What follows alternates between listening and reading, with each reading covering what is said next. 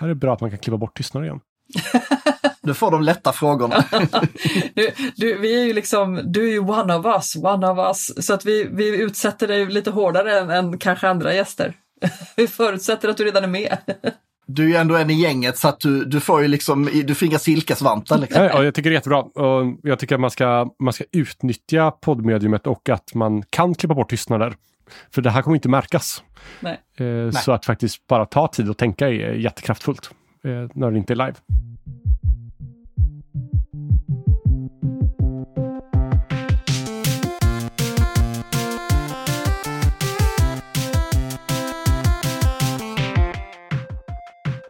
Hej och välkommen till Spelfokus! Jag heter Gabriella Kalteneckar. Och jag heter Björn Flintberg och vi jobbar på forskningsinstitutet RISE. Idag har vi ett litet speciellt avsnitt. Vi ska prata med han som kanske ser oss som sin nemesis i världen. Han som blir plågad av hemglassbilar, snarkande hundar och dåliga skämt. Vi ska nämligen bjuda in våran egen producent i studion. Kvarnberg Productions, Kristoffer Warnberg, ska vi prata med idag Björn. Ja, det ska bli jättespännande att få höra lite om honom, inte bara för att han är vår producent naturligtvis, eh, och det gör han ju med den äran, eh, utan också för att han har ju själv en bakgrund i spelbranschen eh, och kommer från den analoga sidan från början med, med rollspel och sällskapsspel och sådär. Och jag vet ju om att han nu också sedan en liten tid tillbaka har gått in mer och mer i spelbranschen digitalt och håller på att karva sig en liten nisch där. Så det ska bli kul att få prata med honom om podden, om ljud som ju är hans eh, nisch, om berättelser och skapande och eh, om allting som har med spel att göra. Så det är lite på temat olika vägar in i spelbranschen, olika kompetenser inom spelbranschen. Och såklart ljud, eh, vilket ju är det Ja, klipper gud vi vad han skällde på oss i början för att vi hade fel mickar. Jag har fortfarande samma mick. Jag vet inte vad du har. du köpt en ny mick? Ja, men jag, jag satt fel tror jag. Jag satt fel. Jag satt, satt för långt från micken tror jag det var. Det var nog inte Ja, utrustningen. just fel. det, det, det skrapades och, och ja, just det. Det, var, det var mig det var fel på, inte micken. Men vi släpper in Kristoffer i studion tycker jag. Det tycker jag. Men då hälsar vi dig välkommen in i studion, Kristoffer Warnberg. Applåder! Tack så mycket! Woho! Kul att vara här. Våran eminenta producent i den här podden som får stå ut med alla våra galenskaper och eh, tokerier. Berätta, eh, eh, har, du bliv, har du sökt hjälp efter det att du har börjat jobba med oss? Har du varit tvungen att spendera tusentals kronor på någon sån här samtalsstöd eller har du, hur har du överlevt? Nej, men det, har, det har funkat ganska bra. Det är ju alltid lite av en utmaning att klippa poddar. Framförallt poddar som har eh, väldigt många olika gäster. Med mycket olika eh, vad ska man säga, förutsättningar för sin inspelningsutrustning. Det var ju precis nu när vi startade här, innan vi började inspelningen, så kommenterade du också, är det din hund som ligger och snarkar där igen? Och jag bara, ja, ja det är det ju. och det har vi haft återkommande snarkningar, små hundtassar som trippar bakom min stol, skator som knackar på mitt fönster och en, en min nemesis i livet, hemglassbilen. Och det är alltid spännande när man får ett nytt eh, spelfokusavsnitt att klippa, för man vet aldrig riktigt vilka utmaningar så man ställs inför. Eh, Det känns ju generellt som att Björn håller sig lite bättre i skinnet än vad jag gör. Jag låser dörren till kontoret. That's the secret. Nu skämtar jag lite grann när jag säger skatorna, men just som jag säger att skator som pickar mot fönstret så hoppar skatan upp här utanför mig. Det är alltså på min balkong. Eh, Så har jag en liten, liten blomodlingslåda precis utanför fönsterblecket. Där sätter den sig och så stirrar den på mig och så pickar den på fönstret. Eller på metallen. Just bara också när jag spelar in poddavsnitt. Vi har ju fem ankor som går omkring här ute på, på gården nu och, och kvackar och har sig. Så vi får se ifall de dyker upp också. Vi ser det som en bonus till våra lyssnare helt enkelt, att vi eh, jobbar nära naturen. Ja, precis. Det är sant. The urban jungle. Men Kristoffer, det finns ju faktiskt en orsak till varför just du klipper våran podd. Du är ju utöver att du är poddproducent och har en egen podd som heter Svartvikens rollspelsklubb. Podd menar jag, Nästan. inte Ja, klubb. Svartviken rollspelspodd, precis. Så är du ju också en, en spelentusiast av rang. Och det gör ju att det blir lite lättare för dig att, eh, ja, du har ju förståelse för ämnet. Ja, men precis. Jag har ju ett ben i båda era verksamheter här med spelfokus, både i poddandet och i spelandet. Och jag har ju spelat någon sorts spel eh, så länge jag kan minnas. Både dataspel och rollspel och brädspel och sånt där. Eh, så jag har ju både intresset för det och vad ska man säga, kunskapen kring det som jag hoppas ändå är relevant även när jag producerar Spelfokus och era samtal här. Och det var ju viktigt för oss när vi, när vi tittade på olika leverantörer för att försöka hitta någon som kunde funka för, för spelfokus i, i liksom kravspecen för att jobba med någon, att det är någon som också förstår den här branschen. För jag tror att det är ganska nödvändigt när man ska jobba med källmaterial kring någonting, att man har en förståelse. Det är klart att det går att klippa vad som helst, men jag tror att det är en fördel om man har en viss kännedom i ämnet, särskilt som de behoven vi har, eftersom ingen av, varken jag eller Gabriella är ju professionella journalister eller professionella så att säga kommunikatörer på det sättet, utan vi har ju andra roller på RISE. Så därför blev det viktigt att den som jobbade som producent hade en förståelse för vårt ämne så att de visste ungefär hur de skulle göra vissa bedömningar och sådär. Och, och därför blev jag väldigt, väldigt glad att du ville vara med och, och försöka bli leverantör. Och eh, jag hade ju koll på vem du var sen innan. Vi har ju sett varandra på diverse konvent genom åren. Ja, det, och det hjälper ju att ha en engelskt tålamod också. ja, det är ju alltid lite av en utmaning att klippa, som vi sa tidigare, poddar med eh, som har många gäster som har mycket olika. Eftersom ni har en ny gäst varje avsnitt och ni kanske inte skickar hem bra utrustning till alla era gäster så får man ju lite olika kvalitet på inspelningarna kan man väl säga. Hör, hörde du hur diplomatisk han var nu? jag vet inte om vi har, har vi skickat hem utrustning till någon gäst? Nej. Jag tänkte direkt, var... borde vi ha gjort det? Shit. Det, vi, tar till oss av detta, eh, Kristoffer. Eller så gör vi inte det, för vi är ju trots allt inte professionella journalister. Nej men, nej, men så är det ju och, och eh, vi två har ju tacksamt hyfsad utrustning, eh, acceptabel nivå, eh, men det är klart att det varierar. Samtidigt så får man ju hoppas att det är innehållet som är det centrala. Men om vi ska komma in på en sån här poddklipparfråga så att säga. Det finns ju, produceras oerhört mycket podd. Jag menar, poddar, poddar som format har ju exploderat de senaste 5-10 åren på, på alla möjliga sätt. Och har ju många fördelar så. Men när du sitter och du lyssnar säkert på många olika poddar, vad, hur mycket spelar det roll det här med ljudet kontra innehållet? Vad är det man lyssnar efter mer förutom liksom ljudkvalitet och innehåll? Vad, har du liksom några sådana grejer som du vet är viktiga? Kanske tipslista för mig och Gabriella framöver? Det är ju svårt eh, att riktigt så för vi som håller på att producera podd är ju ofta perfektionister och vill ha det perfekta ljudet. Och vi har också insett att de flesta som lyssnar på podd inte riktigt bryr sig lika mycket. Eh, så vi gör ju ofta podd för den här procenten som bryr sig lika mycket som vi gör. Att man ska klippa bort varje litet munljud, att pauser ska ha perfekt längd och sånt där. Men den stora massan, så länge ljudet är acceptabelt, så är det okej okay för de flesta. Så jag skulle verkligen säga att innehåll och eh, vad ska man säga, poddpersonlighet kanske, eller personlighet hos programledarna är det som spelar viktigast roll. Så så länge ljudet Kanske är tillräckligt... Kanske rökt alltså helt enkelt. Jag ser en hund i bakgrunden på Björns skärm också. Så vi, vi det, det, det mest pinsamma är ju, det är okej okay om det är någon som snarkar samtidigt som jag pratar, för då är det uppenbart att det inte är jag som snarkar. Det är värre om hon gör någonting annat. Får man säga fisa på, i live-radio, höll jag på att säga. Det går att klippa bort det. Det går att klippa bort, precis. Ja, men, på, tal, det, på, på tal om att... precis, det var det vi skulle komma till. På tal om att klippa bort så händer det ju under poddinspelningen att vi sitter här, oj oj, det här får man klippa bort sen. Och sen är det någon som tyckte att det där var nog ganska kul, så blir det kvar i avsnittet. Ja, men ibland så får man ju eh, tvinga er att eh, lära er den hårda vägen genom att inte klippa bort saker. Men det kan också bli, det kan ju lätta upp stämningen lite, att man har kvar uppenbara fel. Eh, att man kanske lägger dem i som intro, intro till avsnittet till och med. Så att det första man hör är så här, ah, oh, nu, det här gick dåligt, det här får vi börja om. Klipp bort det här Kristoffer. Och sen så håller, behåller man allt sånt. Eh, jag tycker att det är, men det kanske bara är min typ av humor, att jag tycker sånt är lite kul när det behålls medvetet. Vi tycker ju uppenbarligen också att det är ganska kul eftersom vi behåller avsnitten. det har fallit i god jord. Vi, ja, vi, vi, vet inte hur våra lyssnare reagerar men, men, men det, det, vi har ju ändå liksom lyckats nå ut till en hel del människor. Eh, kommer fram folk ganska ofta och säger att oh, jag lyssnade igenom de senaste avsnitten eller det där avsnittet var jätteinspirerande och gärna med gäster som vi har haft att de tycker att en gäst är väldigt inspirerande. Så att, tack vare att du har hjälpt oss att klippa till det här och producera våran podd så känns det ändå som att vi har gett nytta eh, ja, till väldigt, väldigt många olika typer av människor. Och de jag pratar med, som jag, mina kontakter inom spelbranschen och även utanför ibland, de flesta verkar lyssna på Spelfokus och tycker det är väldigt bra. Eller lyssna några avsnitt här och där och sådär.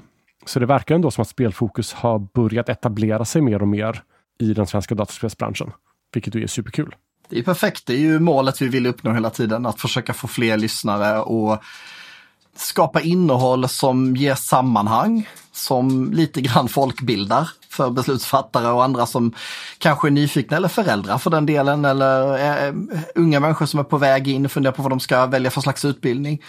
Eh, så att det är väldigt roligt och det är väldigt kul när vi är iväg på konferenser eller andra former av evenemang Precis som du säger Gabriella, när det kommer fram folk och säger åh, jag lyssnade på ett avsnitt på, på, på vägen hit eller jag lyssnade på den här personen, kan du inte introducera mig? Eller sådana här saker. Så att det finns ju uppenbarligen ett utrymme för den här podden i Spelsverige, så kan man väl säga. Och det är väldigt kul. Ja, det känns ju väldigt nytt och fräscht också att det inte bara är spelrecensioner eller att man pratar om spelindustrin, utan ni pratar också med spelindustrin. Ni tar upp frågor som åtminstone vad jag känner till, inte så många andra pratar om i poddar. Och det tror jag verkligen har en plats. Eh, och det är superbra verkligen. Ja, det, det, vi är som en liten klubb av inbördes beundran som ni hör här, kära lyssnare. Men eh, vi tänker ändå att det kan vara värdefullt att veta. Och eh, om vi då ska gå liksom, historien tillbaka, nu är vi på säsong tre och vi har redan börjat planera för nästa säsong fyra. Har du någon liksom, absolut favorit bland avsnitten som du har klippt hittills? Oj, det är svårt. Eller kanske antifavorit. Något extra utmanande avsnitt. När jag klipper så har jag en tendens att inte minnas vad som sagts. Det är ofta så här, oh, men de pratar om någonting åt det här hållet i ett avsnitt med någon, när jag försöker återberätta så. Eh, däremot har jag gått tillbaka ibland och lyssnat. Jag tror det är avsnittet med Micke Kring, va? där det pratar om, eh, om spel och eh, så i utbildningen. va? Mm, mm. Eh, det är ett av få avsnitt som jag faktiskt spelat upp för min fru. Eh, för jag tyckte det ämnet var så intressant och båda är väldigt intresserade av lärande och eh, spel i den kontexten. Så det spelade jag faktiskt upp för henne i bilen en gång. Så ja, om jag ska välja ett så... Och sen även avsnittet med Tilla nu från Aurora Arts tyckte jag var extremt peppande. Jag hörde faktiskt av mig till Tilla efter jag hade klippt det avsnittet och sa det, hej jag är producent för podden. Jag vill bara säga det, grymt kul avsnitt liksom. Jag känner mig verkligen jag vill verkligen ta tag i saker efter att ha lyssnat på det här. Det var riktigt, riktigt bra. roligt! Ja, gud vad kul att höra.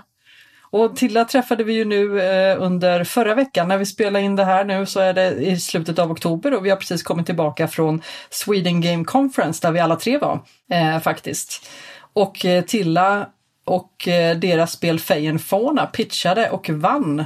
Så det är jättestort grattis till Aurora Arts och Tilla Segerstedt med gäng. Det är ju ett tycker jag, otroligt fint spel, Fejen Forna. Så jag ser fram emot att spela när det kommer ut. Jag fick ju testa det lite på, på konferensen nu och tyckte det, det gav en bra första intryck. Jag är en sån här stenåldersfossil som måste ha en, en controller för att kunna spela. Det ger, ger folk med ett tangentbord så blir jag helt så här det, det, är någon form av legacy efter man hade spelat sönder Mortal Kombat för länge, länge sedan. Jag har också alltid varit en konsolspelare, mycket Playstation framförallt och Final Fantasy-serien och det. Det har varit min men för att gå tillbaka till din karriär och, och liksom, hur, hur, kom du in i spelvärlden från första början? Du har ju alltid varit en spelare, men du jobbar ju också i spelbranschen själv med att göra spel. Mitt första riktiga så, förutom dataspel då, var E.ON 3 för länge, länge sedan. Eh, riktigt crunchigt, mycket regler och sånt där. Fantasy klassiskt så. Och från det så har jag bara fortsatt spela. Eh, jag tror att rollspel är den hobby i mitt liv som jag aldrig har tagit paus från.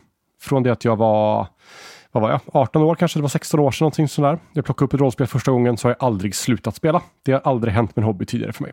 Fantastiskt. Och sen har jag då börjat skriva egna spel. Eh, jag har skrivit och släppt två stycken, eh, Skrumt och Gudasaga, som båda två, eh, ett Skrumt då handlar om det är nordisk folktro och väldigt mycket skräck.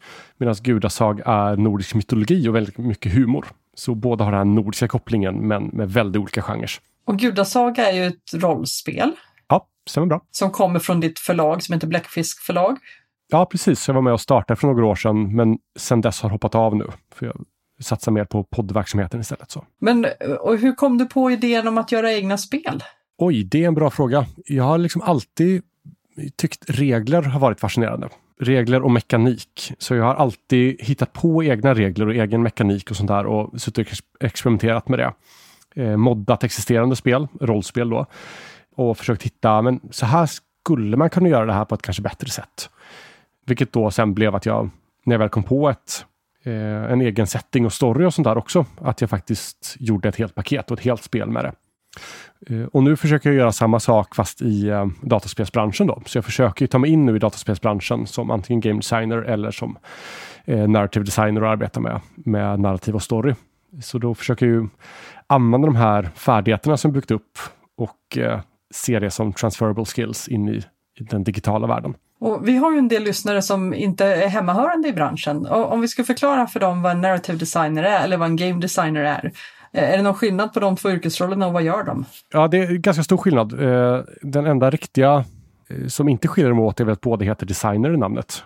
Game designer handlar väl mer om att utveckla systemen i spelet.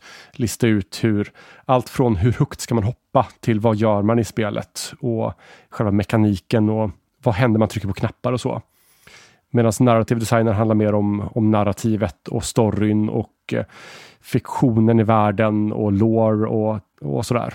Eh, inte nödvändigtvis att skriva själva dialogen i spel, men det kan innebära det också. Men mycket att komma på och se men hur ska storyn fortgå? Vad, vilka eh, faktioner finns det i världen? Spelvärldens bakgrund och historia och sånt där. Hur ser den resan ut för dig då, Kristoffer? Eh, har du gått en utbildning nu eller använder du dig av din arbetslivserfarenhet då inom, inom andra former av spel? Eller är det lätt? Är det svårt? Hur gör man? Jag har inte lyckats gå en utbildning. Eh, jag har nämligen inget CSN kvar, så jag kan inte riktigt hoppa på och läsa någonting. Och tyvärr bor jag ju på västkusten. Det finns väldigt få yrkeshögskolor här i Göteborgstrakten. Eh, Future Games och där håller ju inte till här, exempelvis. Eh, så jag satsar stenhårt på att eh, utveckla mig själv, kompetensutveckla mig genom att göra egna grejer. Läsa väldigt mycket böcker, titta på kurser, skapa egna små spel och sådär. Jag har också fördelen av att jag har lärt känna väldigt mycket folk inom spelindustrin tack vare rollspel. För tydligen så nästan alla som jobbar inom spelindustrin håller också på med rollspel. Och tack vare Svartviken rollspelspodd då så har jag lärt känna jättemycket folk som är i brottsspelsindustrin. Så då har jag lite kontakter här och var som jag kan börja dra i och nysta i och sådär. Utan det vet jag inte riktigt hur jag skulle tagit mig an det här just nu. För just nu är alla mina leads just nu är folk som jag redan känner i princip, som jag tjatar på, kort och gott. Och du är inte ensam om att nämna det som eh, liksom en, egentligen kanske till och med om man har gått en utbildning så kan det vara en nödvändighet att ha kontakter i branschen för att veta vart man ska söka sig, hur man ska söka sig, när man ska söka vart, vilka typer av jobb som är eh, hetast just nu och så vidare. Så det, det, är inte, det är inte givet att man kan ta sig in i branschen utan att ha ett bra kontaktnät. Så att, att gå på de här eventen, att, att nätverka, att lyssna på poddar, att, att söka, söka mentorer, det finns mentorsnätverk inom olika eh, kluster eh, och inkubatorer. Det är, det är en jätteviktig del. Det är många som på, påpekar det. Ja, och att våga, våga nätverka. Att faktiskt knyta de här kontakterna, gå till ställen. Jag var med i det här, eh, eh, Xbox har ju en grej, Xbox Game Camp, som de kör, där de under tio veckor så bjuder de in massa spelskapare, eh, studenter eller folk som vill lära sig. Och så sätter man upp ett team och sen skapar man ett spel under tio veckors tid. Och det var jag, nio studenter från Skövde högskola, eller eh, Högskolan Skövde, och en kille från Umeå eh, som under tio veckor då i våras gjorde ett spel, en eh, vertical slice på tio veckor. Och det var ju verkligen ovärderligt. Dels eh, knyta kontakter, få lite praktisk så här, göra ett spel. Eh, se hur mycket av mina färdigheter från rollspelsvärlden som är applicerbara på dataspelsvärlden och väldigt tydligt få ett kvitto. Det här behöver jag tänka mer på eller lära mig ytterligare. Det var väldigt värdefullt. Och när du, eftersom du nu har jobbat med att göra fysiska spel eller rollspel och börjar röra dig in i spelbranschen, den digitala spelbranschen. vad, vad ser du för skillnader i arbetssätt eller hur man... Eh, finns det skillnader? Och om så, vilka, vilka har du observerat så här långt? Jag skulle nog nästan säga att det är lättare att peka på likheterna. Ja. Att man får en förståelse för icke-linjära interaktiva narrativ. Väldigt, väldigt viktigt. Eh, jag har hört många historier där det är man har tagit in en, en skribent som har jobbat med film eller böcker tidigare, som inte förstår mindsetet i ett dataspel, att det behöver vara interaktivt och icke-linjärt, utan man ser fortfarande allting väldigt linjärt och väldigt rakt på. Jag berättar min historia.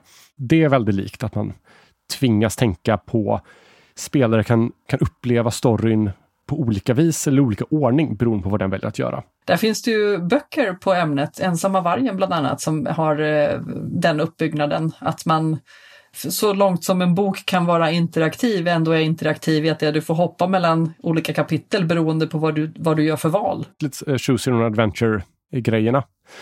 Eh, sen spelmekaniken. Det finns ju ofta väldigt mycket rollspelsmekanik i nästan alla spel nu för tiden. Det finns väldigt mycket stats och det finns väldigt mycket att man har eh, olika trollformler och alla har special abilities och, och sånt där. Och det är ju taget nästan direkt från bordsrollspel. Så där finns ju också det här eh, förståelsen för hur man kan bygga upp en progression genom ett ability tree exempelvis och, och hur olika stats påverkar varandra och sånt där. Eh, så det har också varit väldigt användbart.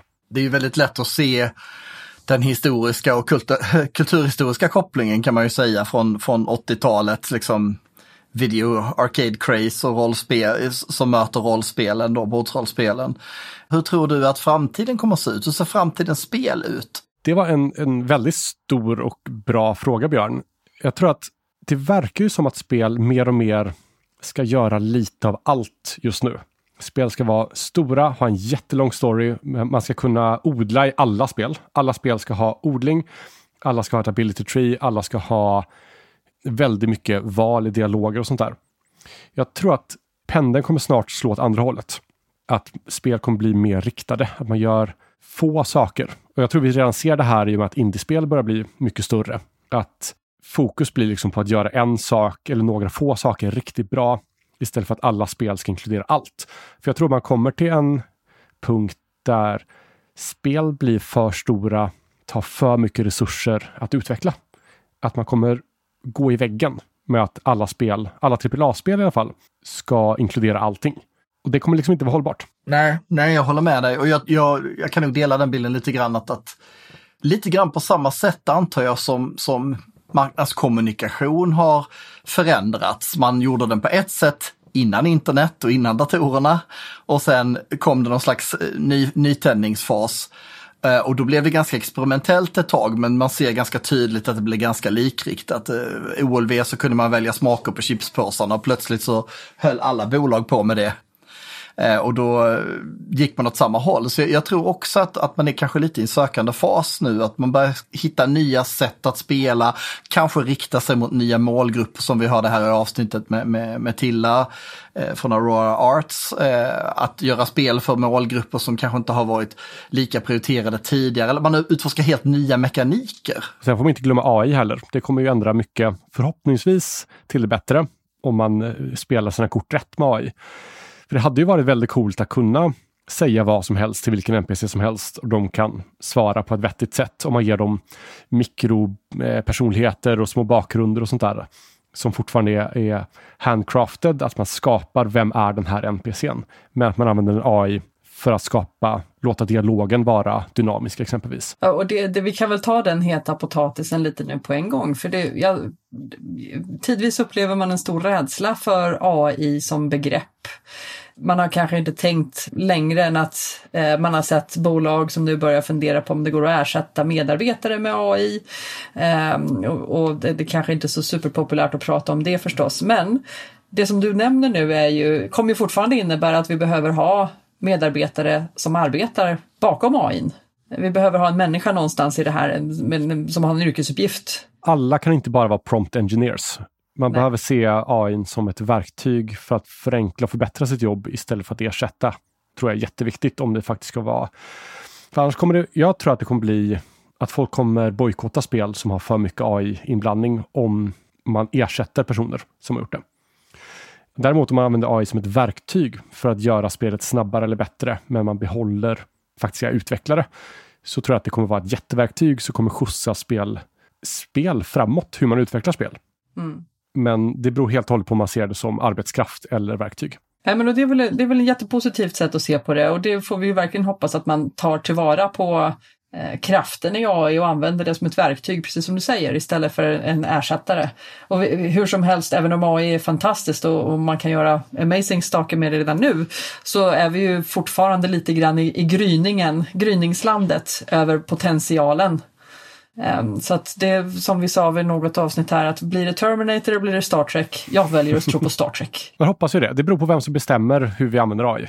Och om vi har några fler strejker som kanske tvingar vissa företag att eh, använda AI på vissa sätt. Jag hade faktiskt en annan fråga som jag funderade på gått och, och tänkt, ska vi ställa den? Är, är, den, är det någonting Kristoffer kan svara på? Men jag kastar upp den i alla fall. Du jobbar ju mycket med ljud mm. i ditt poddklipparyrke.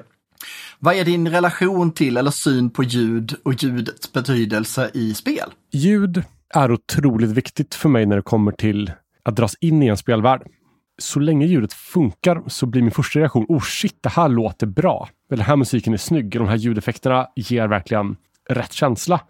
är min första reaktion. Och sen så länge det funkar så glömmer jag lite av det. Jag fortsätter inte lyssna över tid, men det är väldigt viktigt för mig att ljudet är bra i början av spelet.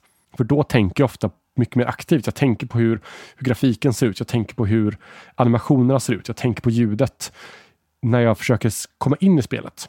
Men ju längre jag spelat ett spel, desto mindre tänker jag på sånt. Men det kanske också för att ljudet fortsätter att vara bra. Hade det plötsligt blivit något jättestörande moment i ljudet så hade man ju uppmärksammat det på nytt. Ja, eller hur? Eller om ljudet är dåligt från början då kommer jag hela tiden tänka på att ljudet är dåligt sen för att det påminner mig liksom.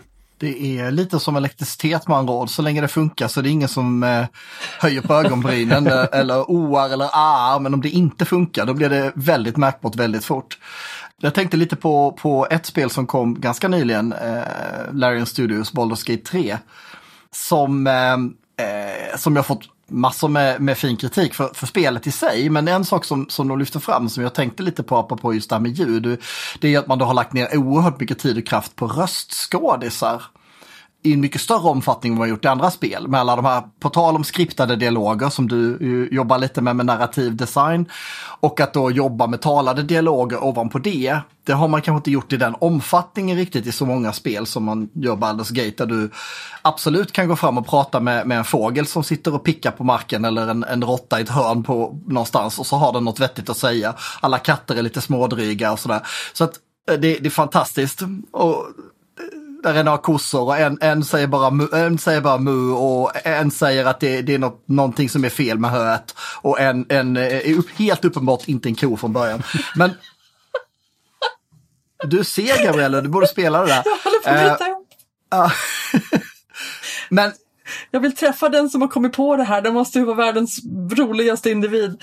Nej men det jag skulle komma till med liksom den här utläggningen om, för de som inte känner till spelet så vill jag ge lite exempel på hur man har jobbat med ljud på ett kanske annorlunda sätt. För att traditionellt i spel så har man jobbat med stämningsmusik, cutscene-musik i liksom filmsekvenser och effekter då naturligtvis för olika typer av aktiviteter, händelser och så vidare.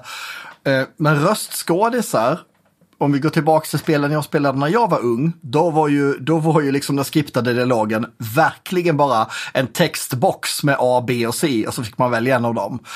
Vad är din liksom reflektion kring röstens betydelse i spel? Det beror nog väldigt mycket på vilken typ av spel.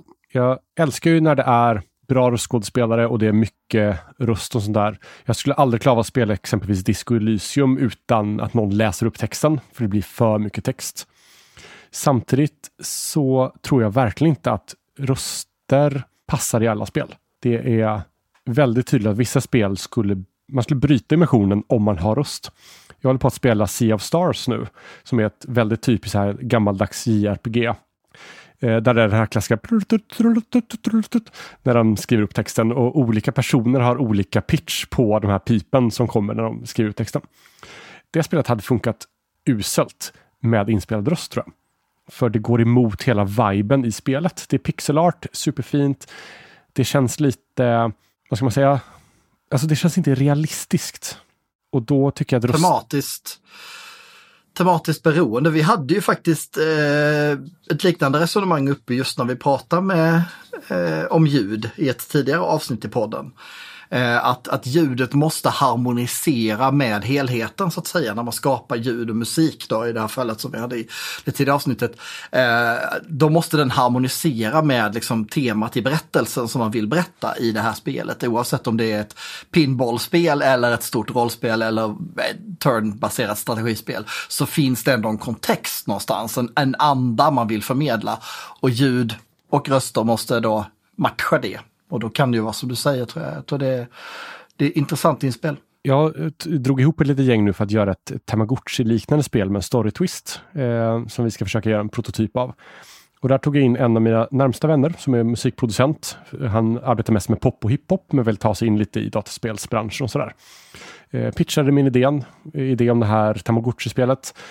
Och han blev superpepp och skickade några eh, ljudfiler till mig som var så här, oh men här är lite dataspelsaktig musik som jag har gjort. så. Och varje musikklipp jag lyssnade på gav mig direkt en visualiserad så här, oh, den här musiken skulle funka bra i den här sortens spel. Jag ser det här spelet, jag ser det här gameplayet och den här grafiken framför mig när jag hör den här musiken. Och det tycker jag är så himla häftigt när det kommer till ljud i dataspel. Man kan höra bara ljudet men få både en story kanske, eh, grafik och gameplay visualiserad framför sig utifrån musik som inte hör till något av det, liksom, som inte är kopplad till någonting av det. För att det finns så tydliga genrekonventioner i spel att den sortens känslor man får liksom är kopplade till ens tidigare upplevelser. tycker jag är superhäftigt. Vi hade ju med oss eh, Jakob Westerberg tidigt i, i, i säsong 1 eh, som är spelmusikskompositör. Eh, som också e-, ekar det som du säger nu, att det måste liksom ge en... Och i, till syvende och sist så handlar det ju spel och andra kulturformer, allting handlar ju om att ge betraktaren eller den som interagerar med verket en upplevelse. Eh, och, och, det är liksom kvaliteten på den upplevelsen kan ju variera från individ till individ förstås och det är ju lite grann det som är poängen, att få en olika upplevelse av samma typ av verk eller produkt. Eh, men, men att, att jaga den där liksom ultimata upplevelsen, precis på samma sätt som att jaga den ultimata spelomgången när man spelar ett spel som man har spelat många gånger. Man vill liksom, nej allting måste klaffa, allting måste bli precis exakt så som man har tänkt sig. Och så blir det kanske på slutet när man har nått level 59 eller någonting så bara, nej för fan, nu kan jag inte ge mina barn presenter. Äh, jag måste, det var den här buggen som inträffade. Så bara, det, det är liksom att jaga som spelutvecklare eller som musikutvecklare eller utvecklare av någon form av konst så är det väl kanske lite lika samma sak. Man jagar den perfekta perfekta verket. Man vill, om det är musik, om det är ett spel, om det är ett rollspel. Eller, eller en poddklippning. En poddklippning, precis. Och så har man såna här fiender som försöker förstöra genom att ta med hemglassbilsringningar och annat trams. och allt det här kommer samman ganska mycket i, i min rollspelspodd Svartviken. För där spelar vi ju rollspel som vi sen klipper till en mer tajt historia.